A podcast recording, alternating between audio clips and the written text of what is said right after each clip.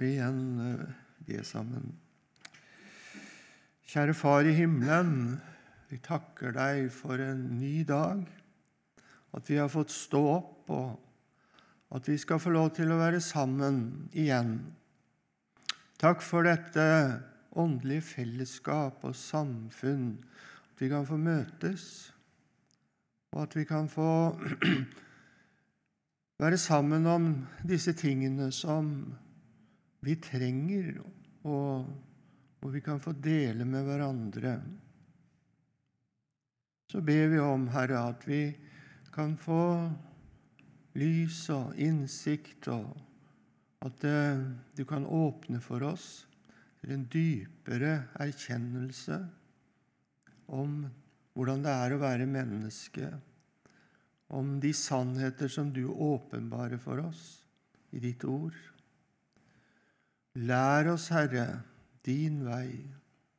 Vi vil vandre i din sannhet. Amen.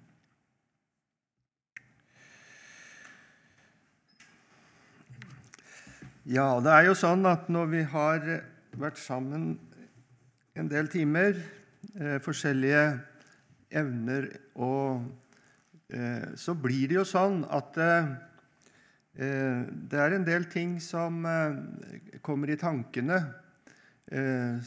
At det også kunne vært tatt opp, og dette også burde vært med. Og så er det blitt sånn da, at det kommer litt sånn i en sånn situasjon hvor jeg må ta med det, og så blir det ikke sånn som jeg hadde tenkt. Og Derfor så blir det litt sånn eh, Det, det jeg hadde skrevet i et manuskript, det, det blir litt sånn ufullstendig. Eh, jeg har et manuskript nå, og som dere skal få, men det blir ikke sånn. Eh, sånn akkurat i den rekkefølgen og sånn som det står der. Så det er, det er litt sånn Det blir litt, litt Eh, oppsamling, litt repetisjon, og så blir det en del ting som jeg putter inn, som jeg syns eh, er viktig å få med. Eh, det handler jo om veldig mye møte med mennesker i livskriser. Og dette med samtale. Og da kan det jo være sånn at eh, vi tenker det, det, som vi nå står overfor, det, det er så krevende, og, og, hvordan skal jeg kunne være til noe hjelp? Hvordan skal, skal jeg bety noe for det mennesket som jeg står overfor? Og når vi hører en del ting sånn som i går, så, så skjønner vi jo det at eh, dette her med å være profesjonell, dette her med kunnskap og innsikt og sånne ting, det betyr veldig mye. Det er viktig. Og da kan en jo også oppleve at uh, her, her, er så mye som er mangelfullt. Um, og Det er jo sånn vi også opplever i erfaringen, at uh, vi ser det der kunne jeg gjort annerledes. Det kunne jeg gjort bedre, ikke minst. Ehm, men så er det sånn at eh, midt inn i dette her så er det jo også det at eh, livet med Gud, eh, det betyr veldig, veldig mye. Sånn at Sjelesørgerens kvaliteter det, betyr, det handler ikke bare om eh, denne her kunnskapsmessige siden, men det handler om to ting. Det handler om kunnskap og medfølelse. Og Da er det sånn at sjelesorg det er ikke bare et spørsmål om å gjøre alt riktig etter boka. Ehm, men det som betyr enda mer, det er å eie omsorg og kjærlighet. Jeg har et sitat her For det er dette som skaper berøring, som gjør at det er noe som går fra hjerte til hjerte, ikke som noe tillært, men som noe ekte. Psykologene og gravferdskonsulentene har lært hvordan de skal opptre og vise omsorg og empati. Men en sjelesørger som selv lever i Jesus, bærer i seg noe mye større. Det er Jesu kjærlighet. Vi må ikke glemme det, hvordan Jesus understreker dette her.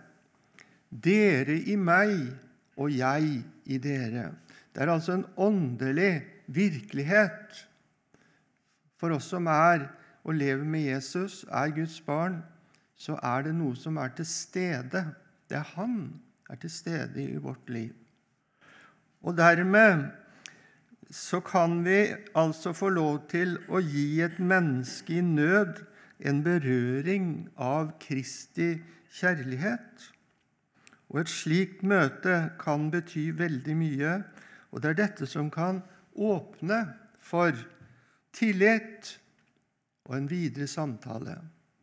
Dette møtet med et menneske som, hvor, hvor dette er til stede. Omsorgen, kjærligheten.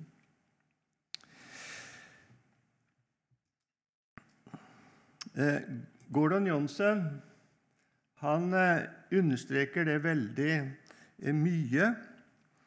Han sier Jeg har fra, jeg har et sitat fra denne boka 'Møter med sårbare sinn'. Igjen, Han sier det sånn Psykiatri er først og fremst holdning. Det skal en god del kunnskap til, og den må tilegnes og arbeides flittig med. Det er riktig at medfølelse, for ikke å si medlidenhet, kan skade dersom den ikke er gjennomtrengt av faglig kunnskap. Så der, der har du den ene siden eh, som vi står overfor. Det kan bli helt feil med denne medfølelsen og alt dette her hvis vi ikke har noe faglig kunnskap. Men, sier han videre, like sterkt skal det understrekes at faglig kunnskap kan drepe og kvele dersom den ikke er gjennomsyret av den riktige holdning, medfølelse, varme og fellesskap i lidelsen. Og Dette er jo sagt av en som har lang erfaring i møte med mennesker i sjelesorg, i, i, i terapi. da. Så har jeg en, en liten kommentar, da, eller eh, definisjon, av dette her med eh, empati. Eh, det er jo et ord som, som blir brukt, og som er viktig Eh, i denne sammenheng, det å ha empati. Og Empati det blir ofte definert som evnen til medopplevelse. Empati handler om å være nær uten å bli oppslukt av den andres følelser. Om å bli med inn i den andres verden uten å miste den nødvendige distansen for å være til hjelp. Empati utfordrer med andre ord på å være til stede i den andres liv samtidig som man ikke mister taket i sitt eget. Altså dette her med både nærhet og avstand. Jeg sa litt om det også i går. Empati er ikke det samme som sympati. Det blir skilt eh, med dette her i, i eh, både sjelesorgen og i terapien. Viktig, akkurat det der. Språklig betyr sympati å føle det samme som. Den andres opplevelse blir min egen. Dersom den andre gråter, gråter også jeg. Altså, Du blir helt sugd inn i den andres opplevelse, situasjon. Det tar liksom fullstendig over. Eh, du mister Sympati skaper stor grad av nærhet, men distansen til den andre blir liten. Vi blir altfor mye følelsesstyrt. Det er, det er bra å være oppmerksom på det. Det er bra å være oppmerksom på seg selv i forhold til det. Altså, Du sitter overfor et annet menneske som, som på en måte gir så sterke uttrykk for følelser. Eh, fortvilelse, sorg, gråt kanskje. Og da, så, da må du være litt oppmerksom på meg selv. Hva, hva, er det som skjer nå? Blir jeg sugd inn i dette her? Tar det kontrollen over meg? Klarer jeg å holde her, nå, må jeg, nå må jeg holde denne avstand som er så viktig, sånn at jeg klarer å, å um, lytte, legge merke til, um, være fokusert på det jeg faktisk skal. Ja? Kan vi si det også sånn at sympati, da er det slik at jeg på en måte overtar den andres synsett. Mens sympati, så kan jeg følge med, men jeg behøver ikke være enig. Jeg kan ha en distanse som gjør at jeg kan stå utenfor og si at uh, jeg kan følge med et menneske som på en måte har kommet inn i vanskeligheter, men jeg kan samtidig forstå at det er skyld i det sjøl, f.eks. Med sympatien, da, da overtar jeg den andres på en måte tenkemåte. Jeg blir liksom på hans parti på en helt annen måte. Mm, ja, og da styrer det prosessen. Ja, absolutt. um,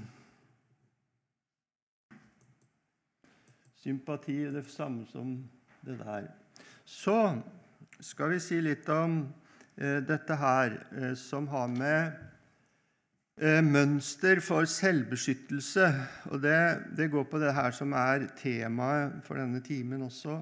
Dette her med sunne eh, og syke sinn, eh, sjelesorg inn i eh, menneskeliv hvor ikke alt er som det skal på forskjellige måter. Og de fleste som opplever kriser i livet, forsøker å finne sine egne løsninger. Det er jo helt naturlig.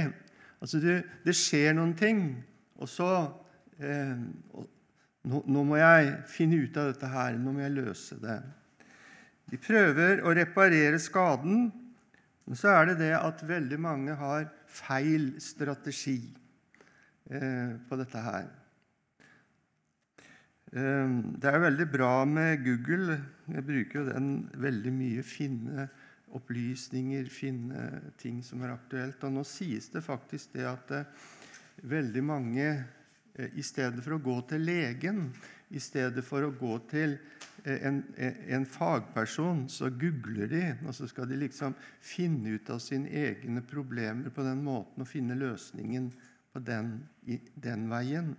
Eh, det kan jo være eh, sånn at man virkelig finner også den hjelpa man trenger. Men eh, det kan også være en feil måte å gå inn i det på.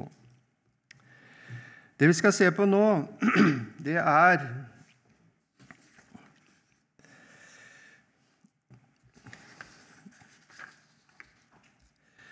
to ting som mange griper til.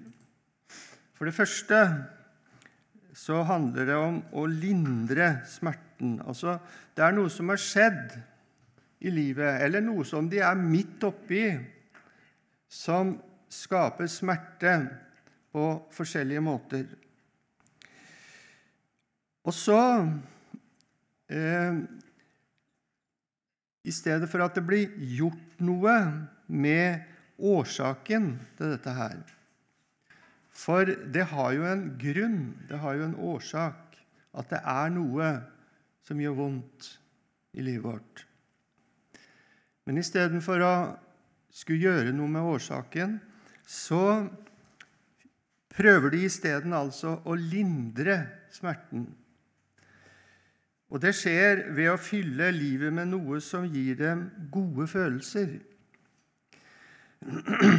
For mange så kan dette her eh, være eh, ting som eh, opplevelser, ting de gir seg selv som skal gi dem gode følelser, altså fylle livet med noe som gir gode følelser. For mange så kan det være å kjøpe ting få noe nytt, skaffe seg noe som man har lyst på, eller bare det der å shoppe. Altså handle for å handle. Hvorfor det? Jo, for hele tiden også gi seg selv en sånn følelse av noe som er godt, positivt. Ganske enkelt. Og det er vel noe vi ser eh, sånn generelt, men det er jo også noe som er en stor fare for alle, det her. At man eh, bruker slike ting for å fortrenge eller for å lindre en smerte, i stedet for å finne årsaken og gjøre noe med det. For det gir jo en form for tilfredsstillelse, dette her. Det samme gjelder underholdning gjennom musikk, film eh, Når hensikten er å bli tilført følelser utenfra, døyve noe som ligger her inne og gjør vondt. Man liksom doper ned smerten ved å tilføre andre ting. Den indre smerten. Og dette her blir for mange et desperat liv for å komme bort fra seg selv og løse det på den måten der. For andre altså Dette her er sånne ting som, som eh, vi møter, og som det er viktig for oss å være oppmerksom på i møte med mennesker. Hva er det som skjer i dette menneskets liv? Hva er det, hva, hva er det de eh, forsøker å løse dette her på selv? Hvilken måte? For andre er det aktiviteter som drar oppmerksomheten bort fra smerten. Man er alltid opptatt av noe, altså. Nå kan jeg også si det eh, Det kan jo til og med være det at eh, enkelte da eh, griper til rus, altså begynner å ruse seg for å, for å nettopp døyve smerten. Det er utrolig hvordan enkelte kan havne ut i det som du aldri trodde det skulle skje med. Du fatter ikke at det er mulig. Hvordan kunne det skje med denne personen? Det kan være en kristen som du virkelig har hatt et godt forhold til og et godt samfunn med, og så skjer dette her. Hvordan er det mulig? Så kan forklaringen nettopp ligge i dette at eh, denne smerten som de ikke liksom De orker ikke. Og så, og så prøver de å døyve den. Finner eh, sånne ting å flykte i eller å bruke. Og jeg har tenkt det at eh, det er jo sånn at eh, Enkelte har et litt sånt liberalt forhold til dette her med alkohol, f.eks. Altså, jeg har kontroll. Jeg tar Jeg kan, jeg kan eh, ha et forhold til alkohol som, som, eh, Jeg tar det første glasset, og så har jeg kontroll på det. Jeg husker han eh, ja, Nå husker jeg ikke navnet på han. Det var en biskop som sa det. Det første glasset tar jeg for fariseerens skyld. Og, for, og, det andre glasset det lar jeg stå for, eh, for, de andres skyld. Men liksom dette her litt sånn liberalt forhold. Men så er det det. Har du det, så kan det være nettopp det som gjør at den dagen du virkelig kommer i ei krise, så er det det du griper til. Fordi du har gitt en åpning for det. Så selv om man godt kan ha et sånt forhold til alkohol at man ikke skal være sånn totalavholdsmann, så ligger det likevel en stor fare i det. Fordi det kan være det første skrittet som leder meg ut i en ulykke seinere. Jeg er veldig glad for det at jeg alltid har vært redd for alkohol. For det at det er mange som kommer inn i denne voldsomme krise ved depresjon og, og, angst som gjør så vondt. Og så eh, havner de altså ut i det der. De begynner å medisinere seg selv med alkohol.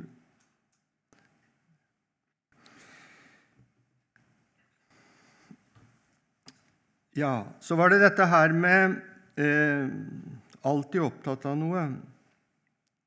Årsaken til smerten det kan være problemer i ekteskapet. Løsningen de velger, er å være mest mulig opptatt.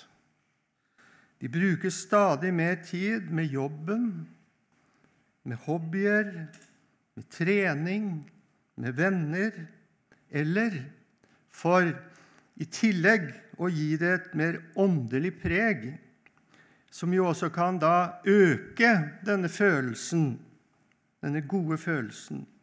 Så tar de på seg stadig flere oppgaver, oppgaver i menighetens arbeid. Flere komiteer, flere prosjekter. Bare dette her alltid være opptatt. Og så møter vi en del sånne mennesker, ikke sant? Vi begynner å De kommer fordi Endelig så kommer de fordi de har det vondt. Og så kommer historien, og så etter hvert så blir det avdekka at det er et sånt mønster hvor de skal lindre smerten på mange forskjellige vis. Og så blir det et sykt, usunt, ødeleggende, skadelig liv for dem. Altså lindre smerten, det er det ene.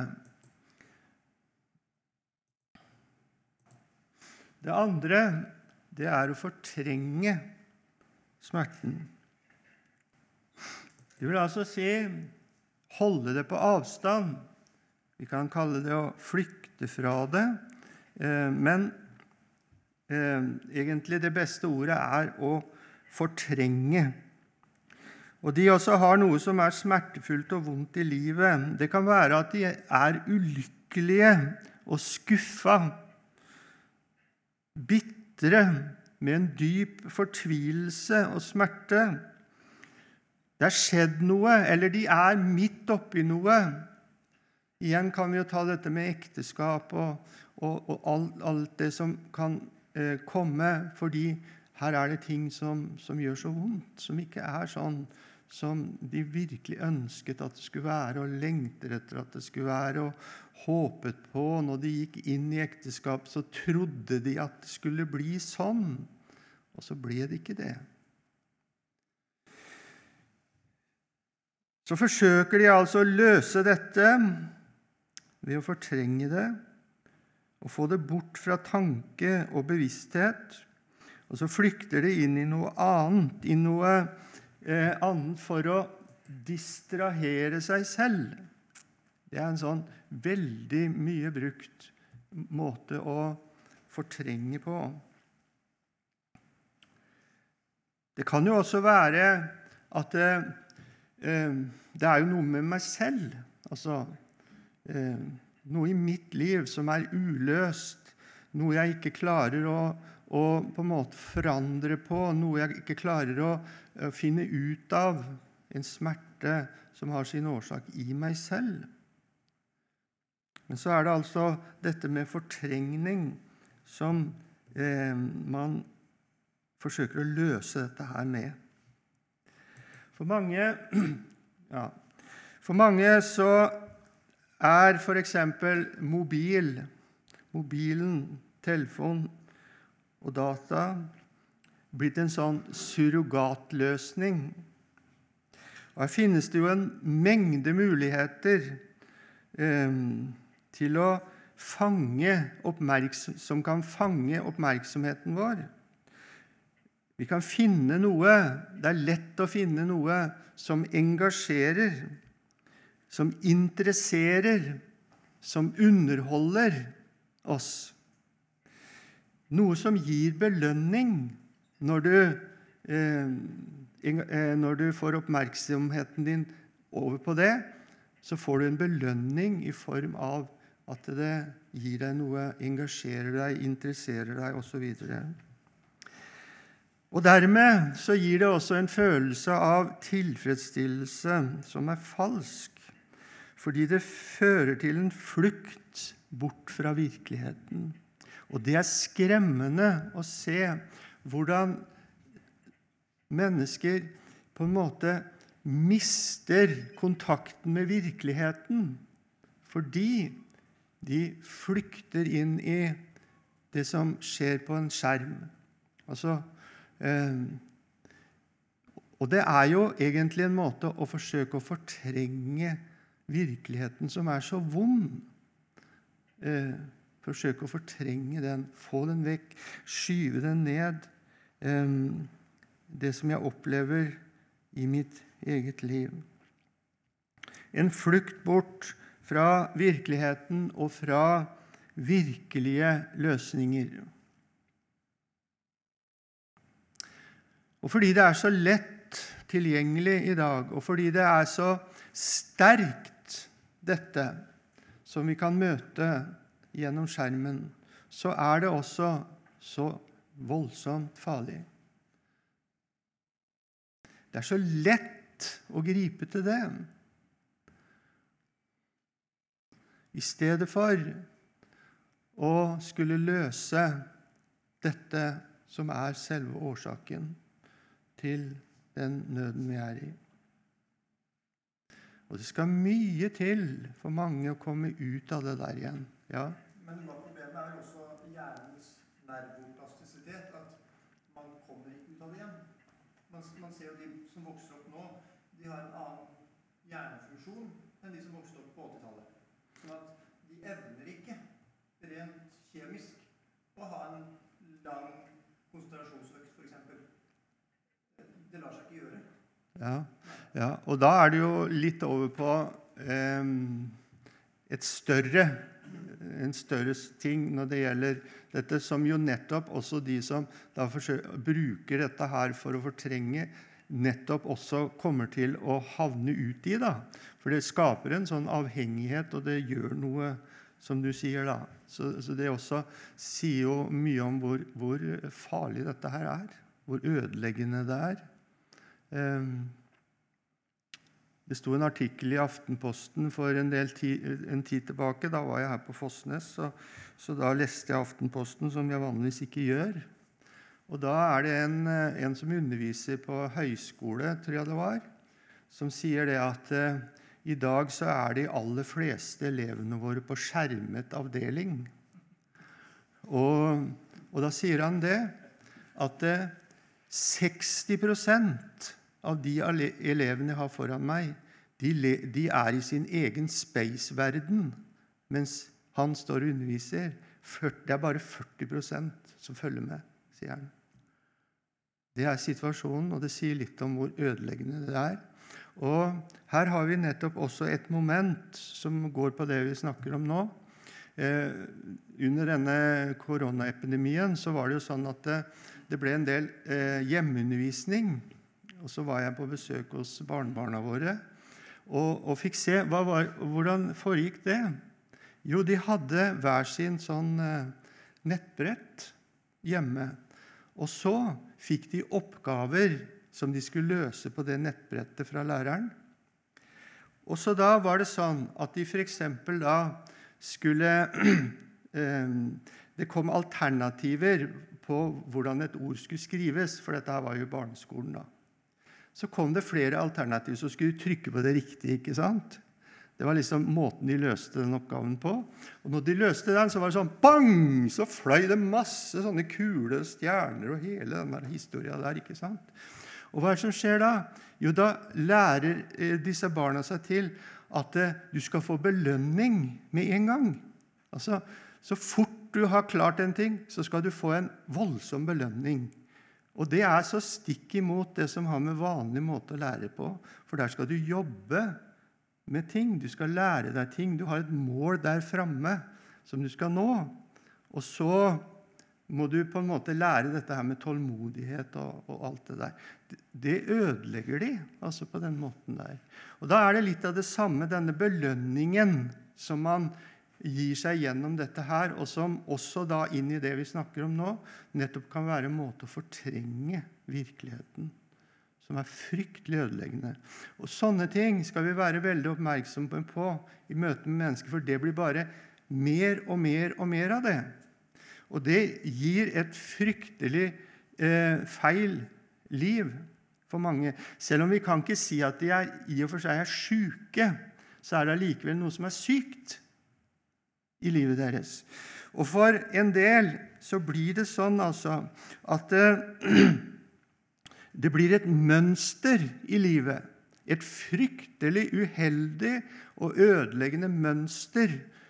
Sånn at det, det, blir bare mer og mer og mer av det. At de skal løse ting ved å fortrenge det. Og så kan du se det at det, det får så F.eks. Um, mennesker som har mange oppgaver, mye å gjøre. Eh, I stedet for liksom å bare ta det systematisk. 'Dette må jeg bare få gjort.' ikke sant? Og så Nå må jeg bare få det gjort og få det unna, og så, og så bli ferdig med det. Så, så, er det enkelte som hele tiden skyver foran seg. altså. Du gjør det ikke før smertegrensen er liksom helt på det maksimale. Da kan jeg liksom ta det. Det blir så slitsomt for dem selv, og det blir fryktelig vanskelig for oss andre å, å forholde oss til. Eh, de skaper problemer eh, liksom i hele sin eh, omgangskrets og relasjoner. Og så er det en ting da, inn i dette. Det vi fortrenger, det fortsetter å arbeide i oss. Selv om vi klarer å få det ned i kjelleren, eh, i underbevisstheten Og vet du, jeg har møtt mennesker Jeg veit at det er noe konkret som har skjedd i livet deres, som er årsaken til smerten og problemene. Og så prøver du å komme inn på det, og så svarer de det der kan jeg ikke huske. Det der har aldri skjedd. Nei, det har ikke jeg vært borti, sier de. Og, og, og, og, det er ikke det at de lyver, men det er faktisk det at de har klart å på en måte fortrenge det så til de grader at de har fått det ned i underbevisstheten. Det er ikke lenger til stede i bevisstheten. Og Da opplever vi også det i samtale at de fokuserer på andre ting Hele tiden så har de med, sin mening om hva som er problemet, og så er det det de forteller oss, og så er det det de fokuserer på. Og så eh, holder de hele tiden det som faktisk er årsaken, unna. Det som finnes i underbevisstheten vår, det lever sitt eget liv. Det har du ikke kontroll på.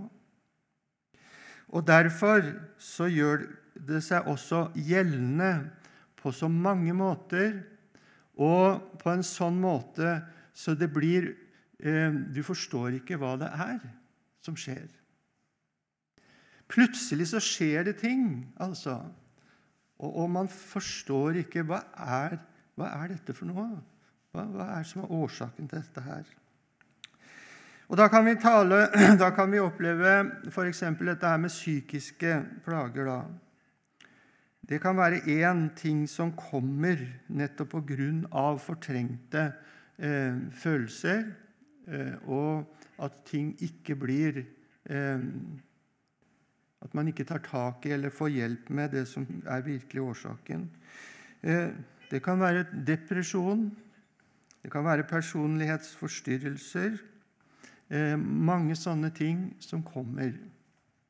Og nå er det jo sånn at eh, innen, i, i, i, psykologien, da, de som jobber med menneskesinnet, de har jo flere eh, på en måte eh, ting de eh, leiter etter eller jobber på. Flere måter de jobber på. Eh, noen er på en måte mest opptatt av å løse situasjonen sånn som den er her og nå. Eh, jeg hørte litt om det i går. Eh, at det er mange måter å, å eh, endre bedre en situasjon på bare med det der med tankene. Men når det gjelder sånne ting som dette her, så er det ikke det nok. Da må vi finne årsaken, og, og den må helbredes. Det som ligger eh, djupt her inne. Det ene var altså eh, psykiske plager. Det andre er det som vi kaller for psykosomatiske plager, som jo kan være enda vanskeligere. En depresjon den eh, skjønner vi jo, den er litt lettere å forstå. Psykosomatiske plager det er jo det som det er fysiske plager som ikke har fysisk årsak.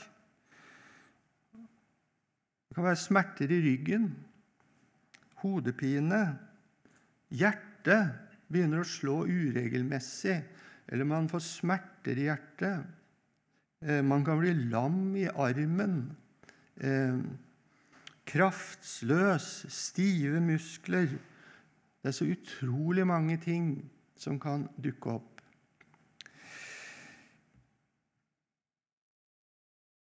Det er, eh, det er en stund siden jeg leste det, men da leste jeg at det faktisk så mye som 60-80% av sånne smerter kommer fra det som vi kaller for psykosomatiske. Altså, Da er det jo nettopp sånne ting, altså. Eh, ting som blir fortrengt eller ikke blir løst. Og så går man med dette her, og så jobber det. Det lever sitt eget liv. Det gjør seg gjeldende. Du blir ikke kvitt det, selv om du klarer å fortrenge det. Vi gjør ikke folk friske ved å hjelpe dem til å fortrenge. Å, liksom, vi skal få oppmerksomheten over på noe annet, eller vi skal eh, på mange sånne overfladiske måter prøve å hjelpe dem. Gi dem gode råd. Det er så mange sånne ting. Men vi, vi løser ikke det på den måten der. Her er det bare én ting som kan hjelpe, og det er at ting eh, kommer fram, det som er årsak. Og Her har jo Gordon Johnsen mye å lære bort.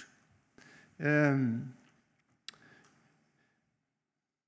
i, i, det kompendiet, eller de, de, bøkene som dere fikk, som, eh, som, eh, som dere skulle lese, så, så, forteller han jo flere sånne, eh, sånne eksempler. Han forteller om eh, en mann der som kommer, og så sier han det jeg har aldri merket at hjertet mitt slår ujevnt, men nå kan det komme ekstra slag. Jeg opplever smerter i hjertet. Er det angina? Ikke sant? Er det hjerteinfarkt? Det er sånne ting vi tenker på umiddelbart. Og I den siste tiden så har jeg kjent på en sånn klem over hele venstre brystdel. Det er som om en jernhånd klemmer hjertet mitt, sier han. Og så blir jeg stiv i venstre arm. Og han sier det, det er ikke noe jeg innbiller meg. Det er ikke noe jeg lager selv. Det er reelt. Det er virkelig, sier han. Og Det gjør jo at han går til legen, og legen undersøker alt dette nøye. Alle hjerteprøver blir tatt, og det er sikre bevis for at det ikke er noe eh, feil altså med dette her. Ehm, og så er det kanskje det at det stopper der for de aller fleste. Er det ikke det? Eh, nå har, jeg fått, nå har jeg vært gjennom alle undersøkelser, og alle sier at det er jo ikke noe feil med meg. Nei, nei. Men så fortsetter problemene likevel. Det blir ikke borte. Det er der hele tida. Kommer igjen. Og Så sitter de der og prater, for han, han havner hos eh, psykologen da, eller psykiateren fordi at eh, legen han er såpass eh, klok at han tenker kanskje har det noe med noe annet å gjøre med psyken eller med ting i livet. Så kommer han altså opp til psykiateren, og så begynner de å snakke sammen. Begynner å fortelle. Han får spørsmål osv. Og, og så utvider historien seg. Da snakker han ikke bare om disse her følelsene. Eh, men så sier han det. Det merkelige er at det kommer hver gang jeg går opp trappa på kontoret. Ikke sant?